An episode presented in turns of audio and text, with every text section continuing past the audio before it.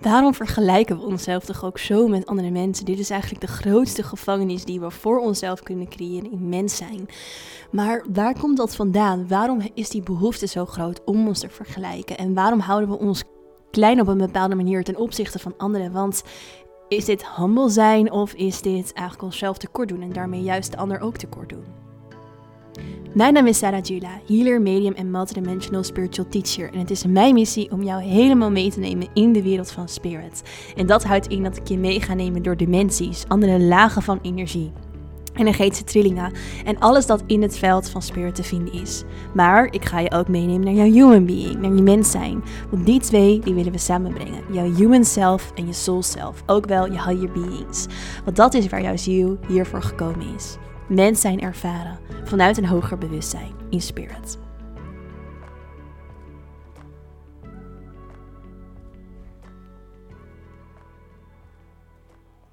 Yes, back at the podcast. Super leuk dat je weer luistert. Ehm, in deze podcast wil ik het een beetje hebben over jezelf vergelijken. Want dit is iets wat um, nou ja, we allemaal tot op een bepaalde hoogte wel doen. En wat we als mens zijn heel goed kunnen. Maar ik zat er pas over na te denken. En er kwam ook echt zo'n besef voor mij van dat is gewoon letterlijk de grootste gevangenis die we eigenlijk voor onszelf kunnen creëren. Want als je jezelf vergelijkt, dan zit je ten eerste heel erg in de mind. Dus de mind krijgt er in alle ruimte um, om jezelf te vergelijken, om jezelf naar beneden te halen, om uh, jezelf minder te maken. Maar je zit ook met je energie buiten jezelf in plaats van in jezelf. En wat voor ons super belangrijk is, dat we echt leren met onze energie in onszelf te zijn. Dus dat we echt aan de binnenkant van onszelf leven. En dat doen we dus niet als we onszelf blijven vergelijken met anderen. Nou, ik denk dat je er tot op deze hoogte zeker zelf ook al wel uh, kan inzien dat dat jou niet verder gaat helpen. Maar waarom doen we dat nou eigenlijk? Als we er echt vanuit een dieper en een hoger bewustzijn naar kijken, waarom is het zo belangrijk voor ons als mens om ons te vergelijken? Hoe ik het zie is dat we, we allemaal als mens, of eigenlijk als ziel, een soort trauma hebben van loskoppeling van sources, loskoppeling van de grote energiebron eigenlijk. We kunnen het ook God noemen, maar we zijn een geïndividualiseerd deeltje bewustzijn geworden. En dat geïndividualiseerde deeltje bewustzijn zoekt zijn eigen weg door het universum en is nu hier in deze menselijke ervaring. En daarin is ook de masculine energie um, op aarde heel sterk, waarin we letterlijk het gevoel hebben: oké, we moeten overleven, we moeten het zelf doen, we moeten onszelf redden. En daarin vergelijken we ons dus met anderen, omdat we daarmee eigenlijk onze verantwoordelijkheid buiten onszelf leggen. Dus, we, dus wat we doen is: oké. de ander doet dit, dus nou ja, dan moet ik dat ook doen. Maar daarmee neem je niet de verantwoordelijkheid voor jouw stuk, voor jouw energie, voor echt jouw eigen zijn. Dus ergens neem je wel verantwoordelijkheid, omdat je misschien denkt: oh, maar Um, nou, Pietje wil dit, dus oh, ik, ik wil dat eigenlijk ook. Of ik moet dat ook doen, want dan, dan krijg ik erkenning. Dus we, we, we zijn uit op erkenning van een ander. Um, omdat we onszelf niet die erkenning geven, omdat we onszelf niet die liefde geven, omdat we vergeten zijn dat we een being in love zijn. Ik heb er een eerder podcast over opgenomen, Beings in Love. En dat gaat nou ja, een beetje over verliefd zijn, maar ook over veel meer dan dat. Over dat we in essentie allemaal beings in love zijn. Dus wij zijn die wezens in liefde. En dat contact zijn we zo kwijtgeraakt, waardoor we onszelf maar blijven vergelijken met anderen. En ergens is dat heel makkelijk. Dus een uitspraak die ook hier in de maatschappij natuurlijk vaak voorkomt als iemand klaagt of als iemand. Um, nou ja, uh, het even niet lekker gaat. Uh, of of met eten weggooien. Ja, maar de kindjes in Afrika die hebben het veel slechter. Of de mensen in Afrika dit of dat. En ja, ergens um, nou ja, zou je kunnen zeggen dat ze minder ver zijn in hun ontwikkeling uh, op het aardse vlak. Maar is dat zo? Zijn zij um, op andere vlakken ook minder ver ontwikkeld? Misschien is dat ook ja in sommige gevallen. Alleen wij zijn de voorlopers voor hun weer. Dus als wij onszelf klein gaan houden, als wij onszelf laag gaan houden in energie, in ontwikkeling, dan, dan kunnen hun ook niet verder. Dus als wij zeg maar het hele proces van collectieve uh, bewustzijnsgroei een halt toeroepen of uh, zeggen, oh maar we mogen eigenlijk niet, ja, weet je, geniet van de kleine dingen, want um, ja, in Afrika is het zoveel slechter bijvoorbeeld en niks mis mee om van de kleine dingen te genieten, juist wel ook. Maar ik hoop dat jullie de point snappen van wat ik wil zeggen. We, we zetten of we vergelijken onszelf heel graag om niet verantwoordelijkheid te hoeven dragen. Terwijl wij hier zijn voor een proces van evolutie. Een innerlijke evolutie in onszelf. Voor je ziel, dus de groei van je ziel. Maar ook van het collectief. En dat daarmee komt een verantwoordelijkheid voor onszelf. En verantwoordelijkheid betekent vaak ook het bewustzijn dragen dat jij in co-creatie bent met Source. En dat vergeten we allemaal. Dus wij zijn in co-creatie met het grotere universum. Wij zijn in co-creatie met um, God, met de energiebron. Wij zijn hier om les te leren. Wij zijn hier om human being te leren ervaren. En daarin dragen we het stukje afgescheidenheid, maar tegelijkertijd ook het stukje verbondenheid. Dus we zijn niet afgescheiden. We zijn alleen in een expressie van Source. Wij zijn in een co-creatie. Wij zijn allemaal om, tot op een bepaalde manier één. Maar eenheid is ook iets waarin we onszelf ook kunnen verliezen door te zeggen: ja, maar alles is één. Er wordt voor me gezorgd, want alles is toch één. Um, ja, we zijn allemaal één, maar we zijn ook human being. Wij zijn ook hier met een eigen verantwoordelijkheid voor onszelf. En we vinden het vaak heel moeilijk om die verantwoordelijkheid te nemen. En waarom denk je dat we dat zo lastig vinden? Kun je daar voor jezelf eens op invoelen nu je dit luistert? Waarom vind jij het moeilijk om verantwoordelijkheid te nemen? En ik weet zeker dat je dat ook vindt, want we vinden het allemaal moeilijk. En dat is, nou ja, ik ga hem zeggen, omdat het ook is omdat we nog zo kunnen leren nog meer in contact te kunnen zijn met het hogere bewustzijn. Want verantwoordelijkheid nemen gaat heel diep. Het gaat ook over verantwoordelijkheid eh, nemen dat, dat alles in jouw wereld jouw creatie is. Alles is gedachtekracht. Dus dat wat jij ziet in jouw realiteit, daar heb jij een bepaalde verantwoordelijkheid voor. Dus ook als er um, natuurrampen zijn, het is allemaal een creatie het is allemaal een, ehm, jouw realiteit. En jij hebt daarin verantwoordelijkheid. En ik geloof ook dat Einstein het was dat hij ook zei, um, dat heel lang geleden ergens gelezen, um, als, als we niet naar de maan zouden kijken, dan zou de maan niet bestaan. Dus wij zijn zo krachtig als beings dat als wij kijken naar iets, uh, het daarmee creëren. Maar als er nu een hele grote groep, of een, een bewuste groep mensen, laat ik het zo zeggen, de maan um, een andere creatie van zou maken middels gedachten, dan zou het ook veranderen. Want we leven allemaal in hologrammen. Dus het zijn allemaal hologrammen van energie die reageren op onze gedachtenkracht. En daarmee zijn we dus in die creatie. En dat is ook verantwoordelijkheid nemen. Verantwoordelijkheid nemen van dat wat er letterlijk om jou heen gebeurt. Ook ziektes, uh, al dat soort uh, dingen. Het is ergens een stukje verantwoordelijkheid. En hoe komen we daarin weer bij terug? Er is een heel mooi boek over en dat heet Zero Limits. Dit is een boek, uh, het gaat ook in over de Ho'oponopono methode, dus de Hawaiiaanse methode. Um, en daarin, stelt, daarin wordt het ook gesteld dus dat alles letterlijk jouw verantwoordelijkheid is. En dat waar het om gaat is dus echt zelf 100% verantwoordelijkheid nemen. 100% verantwoordelijkheid nemen voor jouw creatie. En een van de schrijvers van het boek, dus um, ik heb het ook weer heel lang geleden gelezen. Ik vond het wel heel interessant. Is het was een um, ik weet niet of het nou een psycholoog was of in ieder geval, uh, ja, we het even voor nu op psycholoog houden of iets een psychiater erg in die richting. En hij kwam op een afdeling in het ziekenhuis met allemaal um, ja, heel, heel zwaar beveiligde uh, patiënten. Uh, omdat ze of iemand hadden vermoord of verkracht of uh, nou ja, hele erg misdrijven hadden begaan. En hij was daar en hij deed daar eigenlijk helemaal niks.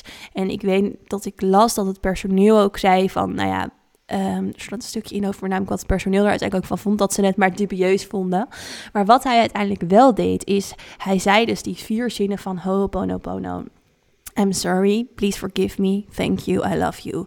Dus bij alles wat hij daar zag op die afdeling, nam hij zelf volledig de verantwoordelijkheid. Dus hij hield dat wat hij zag in zichzelf. Dus hij zag die crimineel als het ware als een onderdeel van zichzelf. En daarin zei hij dus die onderdelen van I'm sorry, please forgive me, thank you, I love you. Daarin dus ook de eerste twee, uh, I'm sorry en I thank you. Of uh, please, nee wacht, I'm sorry en uh, please forgive me. Dus het spijt me en vergeef me. Dat is eigenlijk het stukje waarin het over verantwoordelijkheid nemen gaat. Dus het gaat over erkenning. Erkenning pakken, erkenning ervaren. uh, of ja, over, oké, dit is inderdaad mijn realiteit. Um, teruggeven aan source, oké, dit, ik, ik zie dit. Um, en dan um, thank you, I love you is heel erg het stukje vertrouwen. Vertrouwen en weet dat het al geschift is. Dat alles in de creatie uiteindelijk één grote bron van liefde is. En daarmee eindig je ook in jezelf in die frequentie van liefde bij I love you. Dus hij zei ook tegen alles, ik hou van je, ik hou van je, ik hou van je. Voor elke situatie, ik hou van je, ik hou van je, ik hou van je. Omdat je liefde projecteert op die situatie en daarmee verander je jouw realiteit. Um, en dit is natuurlijk heel extreem verantwoordelijkheid nemen, uh, letterlijk over jouw realiteit. Hij voelde zichzelf 100% verantwoordelijk voor alles wat ook die misdaden, of die misdaden die waren begaan. Want het zat in zijn realiteit, het zat in zijn uh, geheugen.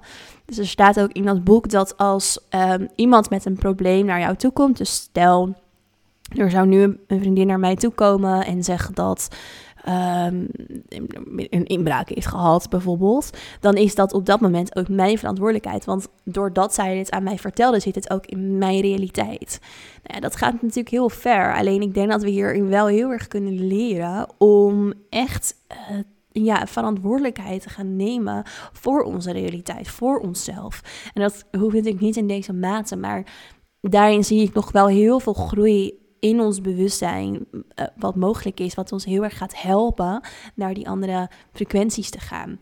En wij hebben alleen al zelf de verantwoordelijkheid om onze trilling hoog te houden, om ons bewustzijn te verruimen.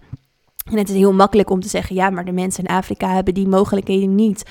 Ja, maar wij wel. En wij zijn hier. En wij zijn hier niet voor niks geïncarneerd. En wij kunnen daarin ook echt een ja, um, het woord baken komt in me op. Soms komen er woorden in me op dat ik denk: oké, wat, wil, wat wil Spirit hiermee zeggen? Maar een soort safe space zijn, letterlijk in bijvoorbeeld Europa, uh, waarin wij uh, nou ja, dat hoge bewustzijn kunnen creëren. En waarin dus ook weer nieuwe zielen kunnen incarneren hier op aarde, die ook al een hoger bewustzijn hebben. En die daarmee het collectief ook verder kunnen helpen. En daarmee gaan we Afrika uiteindelijk ook helpen. Dus onszelf klein houden heeft nooit zin, heeft echt nooit zien. Gaat nooit helpen. Um, daarmee doe je jezelf tekort, daarmee doe je het collectief tekort, daarmee doe je God, source, het universum tekort, daarmee doe je de, ander tekort. Um, en als we onszelf vergelijken, houden we onszelf automatisch klein. Want je energie zit niet in jezelf. En jouw energie om te groeien, om groot te zijn, om in trilling hoog te zijn, moet in jezelf zitten. Dus als je dit herkent, dat je jezelf vergelijkt, waar ben je bang voor? Waar ben jij oprecht bang voor?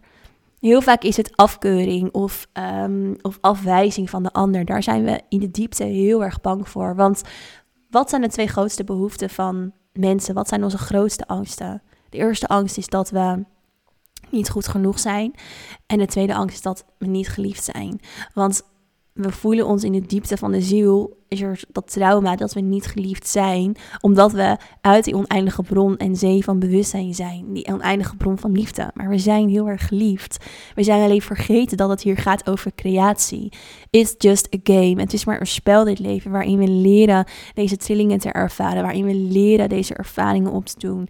En het stopt niet bij dit leven, het eindigt niet bij dit leven. En we zijn nog steeds op dat bewustzijnslevel zijn we nog steeds één met die oneindige bron van liefde. We moeten alleen zelf de verantwoordelijkheid pakken om die oneindige bron van liefde weer terug te pakken in onszelf. Om hem weer te voelen, om te verankeren. Om onszelf daar keer op keer in trilling naartoe te brengen. En dat kunnen we alleen zelf. Wij hebben die verantwoordelijkheid. En in mijn eetstoornisproces of herstelproces, ik heb, één keer, heb ik één keer zo'n belangrijke afspraak met mezelf gemaakt. En ik kwam zo vanuit de diepte in mezelf. En dat was echt dat ik, me, dat ik me niet meer ging aanpassen aan andere mensen. En dat ik echt naar mezelf ging leren luisteren staat ook in mijn boek hier een heel stuk over geschreven in Spirit Guide. Als je hem nog niet besteld hebt, um, pre-order hem dan. Dat kan nu nog. Uh, of als je deze podcast wat later luistert, bestellen. Hij is er dan. Uh, waarin ik ook hier nog veel meer over zal delen. Um, maar die afspraak met mezelf was voor mij echt life-changing. Omdat ik hem zo kon voelen in mezelf. Ik kon hem zo verankeren. Dus het was echt een heel diep besluit. En ik heb oprecht nooit last van als mensen iets van mij vinden of um, Ik vergelijk me niet met anderen. Ik, um, ik ben daarin ook heel oordeelloos over anderen, want ik neem verantwoordelijkheid voor mijn eigen stuk. En daarmee voel ik eigenlijk ook dat de ander, nou ja, ook vanuit dat proces van Zero Limit, mijn verantwoordelijkheid is. Maar ik oordeel er niet over. Ik zie het en ik transformeer het in liefde en ik bekijk het in liefde en ik uh, hoor het aan in liefde. En dat betekent niet dat er geen schaduwstukken mogen zijn. Want schaduwstukken, ja, die horen ook bij het leven. Maar die weer in het licht zetten. Dat is wat we mogen leren. Dat in het licht zetten uiteindelijk. Zodat we het aankijken, zodat we het zien, zodat we het omarmen. In plaats van het willen loslaten en ons er tegen verzetten. We zien het. We, we sturen er licht op. Als je het omarmt, stuur je licht en liefde naartoe. En daarmee transformeer je het. Transmuteer je het naar hogere trillingen. En dat is wat wij kunnen wij zijn eigenlijk allemaal innerlijke alchemisten. Alchemisten waarin wij letterlijk frequenties kunnen veranderen. Dat is ons, dat is ons geboorterecht. Dat is onze ware natuur. Um, onze ziel is, is, leeft in dit spel van frequenties. In dit multidimensionale veld. Waarin je nu in je human bent. Um, maar je higher being ook door jou heen werkt. En je daarin dat wat hier in de zwaardere zit omhoog kan halen. Door het in licht en liefde te zetten. En ehm, dat klinkt misschien een beetje als ja, love and light, dat is leuk. Maar het leven is ook fucked up soms. Ja, dat is het ook. Maar daar verantwoordelijkheid nemen en weten: oké, mijn ware natuur, mijn ware energie is die bron van liefde. Daar kom ik weer naartoe terug. En ik neem dit stukje van mij mee daarin. Dus als je het omarmt, neem je het mee en trans transformeert het naar liefde. Want liefde is de hoogste trilling. Dus alles wat daaronder zit, angst, schuld, schaamte, etc., gaat uiteindelijk mee omhoog. Als je het omarmt, als je het bij je neemt, als je er zo volledige verantwoordelijkheid over neemt.